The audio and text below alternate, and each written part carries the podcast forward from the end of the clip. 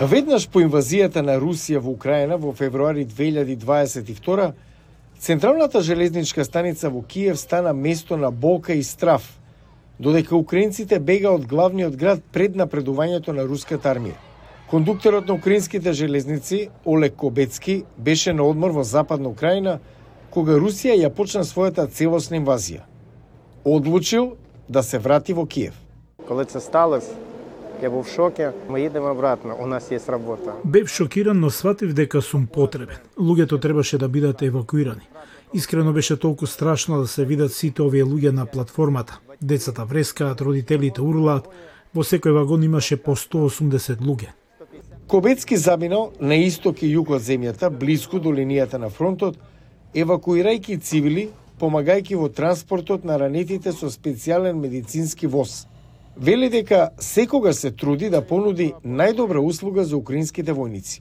Мене в потязі вони Се обидувам да им го направам патувањето што е можно поудобно. Можам дури и да готвам за нив. И мојот син е на фронтот, како и сите мои роднини. Во текот на изминатите две години, украинските железници евакуирале најмалку 4 милиони луѓе. Кобецки, заедно со неговите колеги, никогаш не одбил да биде до првите линии на фронтот. Нивната храброст им го донесе епитетот «железни луѓе». У нас не було кейсів, коли хтось із провідників чи Неам случај кога кондуктер, машиновозач, вработен на железничка станица, одбил да оди на работа. Од почетокот на војната, руската армија постојано ја гранатира железничката мрежа. Околу 600 железничари се убиени, повеќе од 1500 се ранети. Многумина се мобилизирани како војници. Ми Од првиот ден на инвазијата се обидовме да ја пренесеме пораката. Железницата нема да запре. Не сме откажале ниту едно патување без сериозна причина поврзана со војната. Бидејќи воздушниот сообраќај е суспендиран поради војната, светските лидери и делегации се подпираа на железницата за патување во Украина. рейси За дипломатски патувања имаме специјални алгоритми за тоа како да се патува при ракетна закана или друг аларм. Секогаш имаме резервни варијанти.